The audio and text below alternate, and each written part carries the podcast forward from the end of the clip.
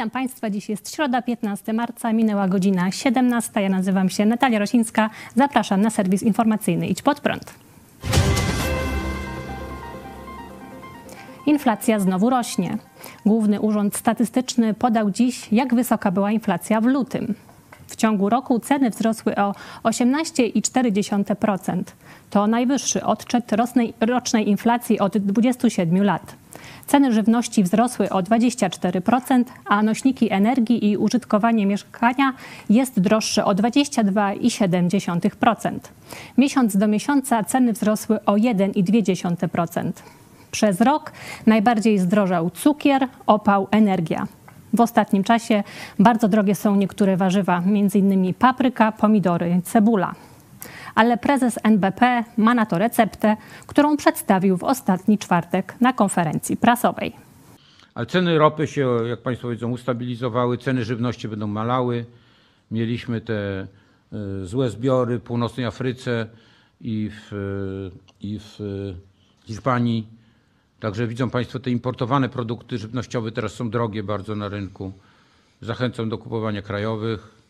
Powiedziałbym jakich, ale to zaraz będą tylko memy niekończące się, że, za, że zapraszam do jedzenia kapusty kiszonej. Bo wiedzą Państwo, że tam jest najwięcej witaminy C, ale to nieprzerwanie zachęcam do kiszonek. To polska klasyka jest. W innych krajach są inne kiszonki ale te importowane są drogie. Trzeba czekać na krajowe, bo tak gdzieś tam czytałem, yy, jak to papryka jest droga. No jest droga, no bo jest droga na rynkach międzynarodowych, to nic nie wymyślimy. No, no. Nie będzie państwo dopłacać do ceny papryki akurat bardzo, prawda? Jak się pojawi krajową paprykę się pojawi, no to będzie taniej. No.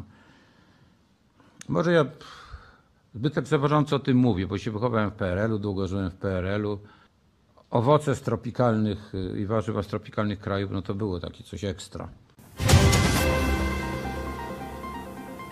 Nieznani sprawcy rzucali wczoraj kamieniami w okno biura poselskiego Mariusza Błaszczaka, wicepremiera i ministra obrony narodowej.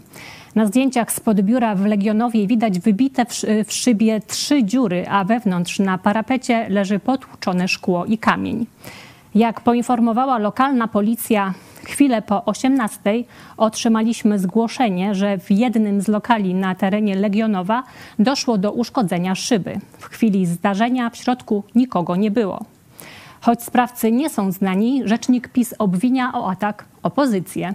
Na Twitterze Rafał Bochenek napisał: Gdy nie mają argumentów merytorycznych, stosują argument siły i agresji. Opozycjo, przestań jątrzyć. Dzisiaj co najmniej trzy kamienie z rąk nieznanych sprawców poleciały na szybę biura poselskiego wicepremiera Mariusza Błaszczaka w Legionowie.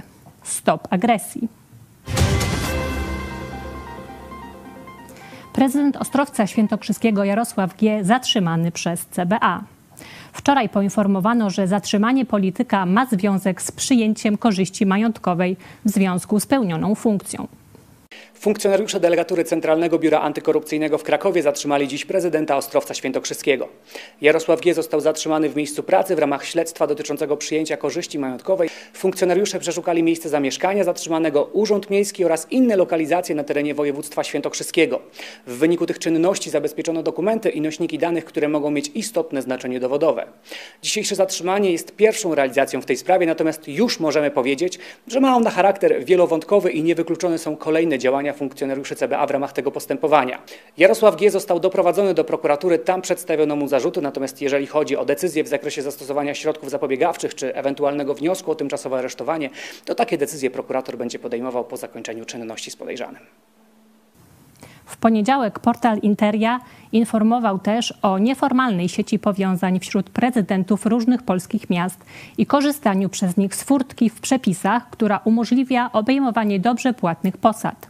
Według prawa włodarze miast nie mogą być członkami rad nadzorczych miejskich spółek, Przepis mówi jednak tylko o spółkach w mieście, w którym zostali wybrani.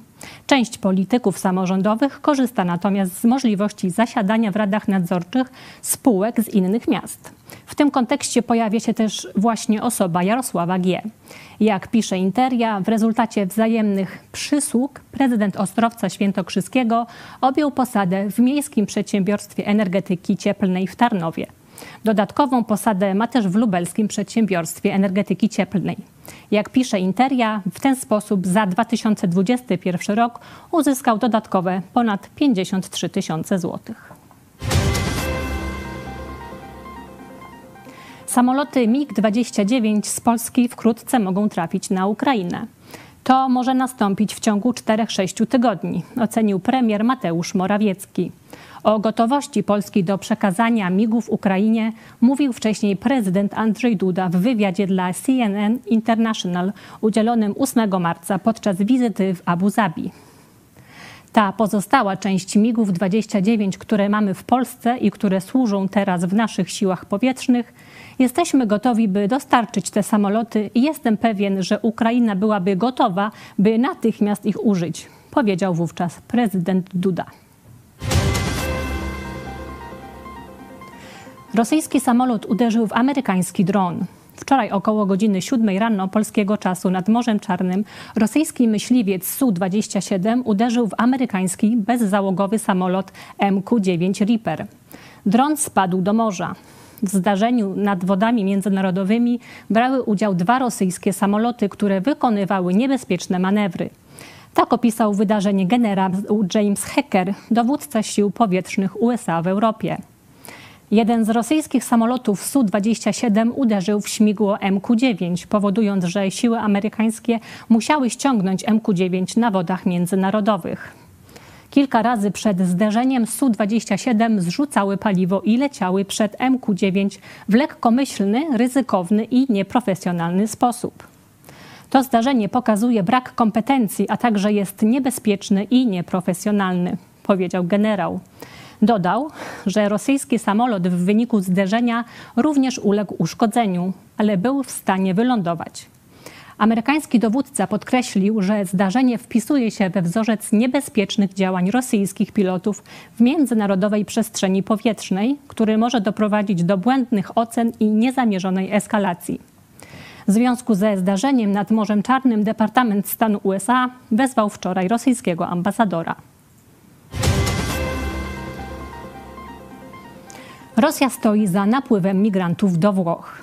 Minister obrony Włoch Guido Crosetto oświadczył w poniedziałek, że wzrost napływu migrantów do wybrzeży Włoch jest rezultatem jasnej strategii wojny hybrydowej, którą realizuje grupa Wegnera, najemnicy opłacani przez Rosję, wykorzystująca swoje istotne wpływy w niektórych krajach afrykańskich. Szef klubu współrządzącej we Włoszech partii Liga Massimiliano Romeo stwierdził, że Rosja tworzy prawdziwą bombę migracyjną, by postawić Europę w trudnej sytuacji.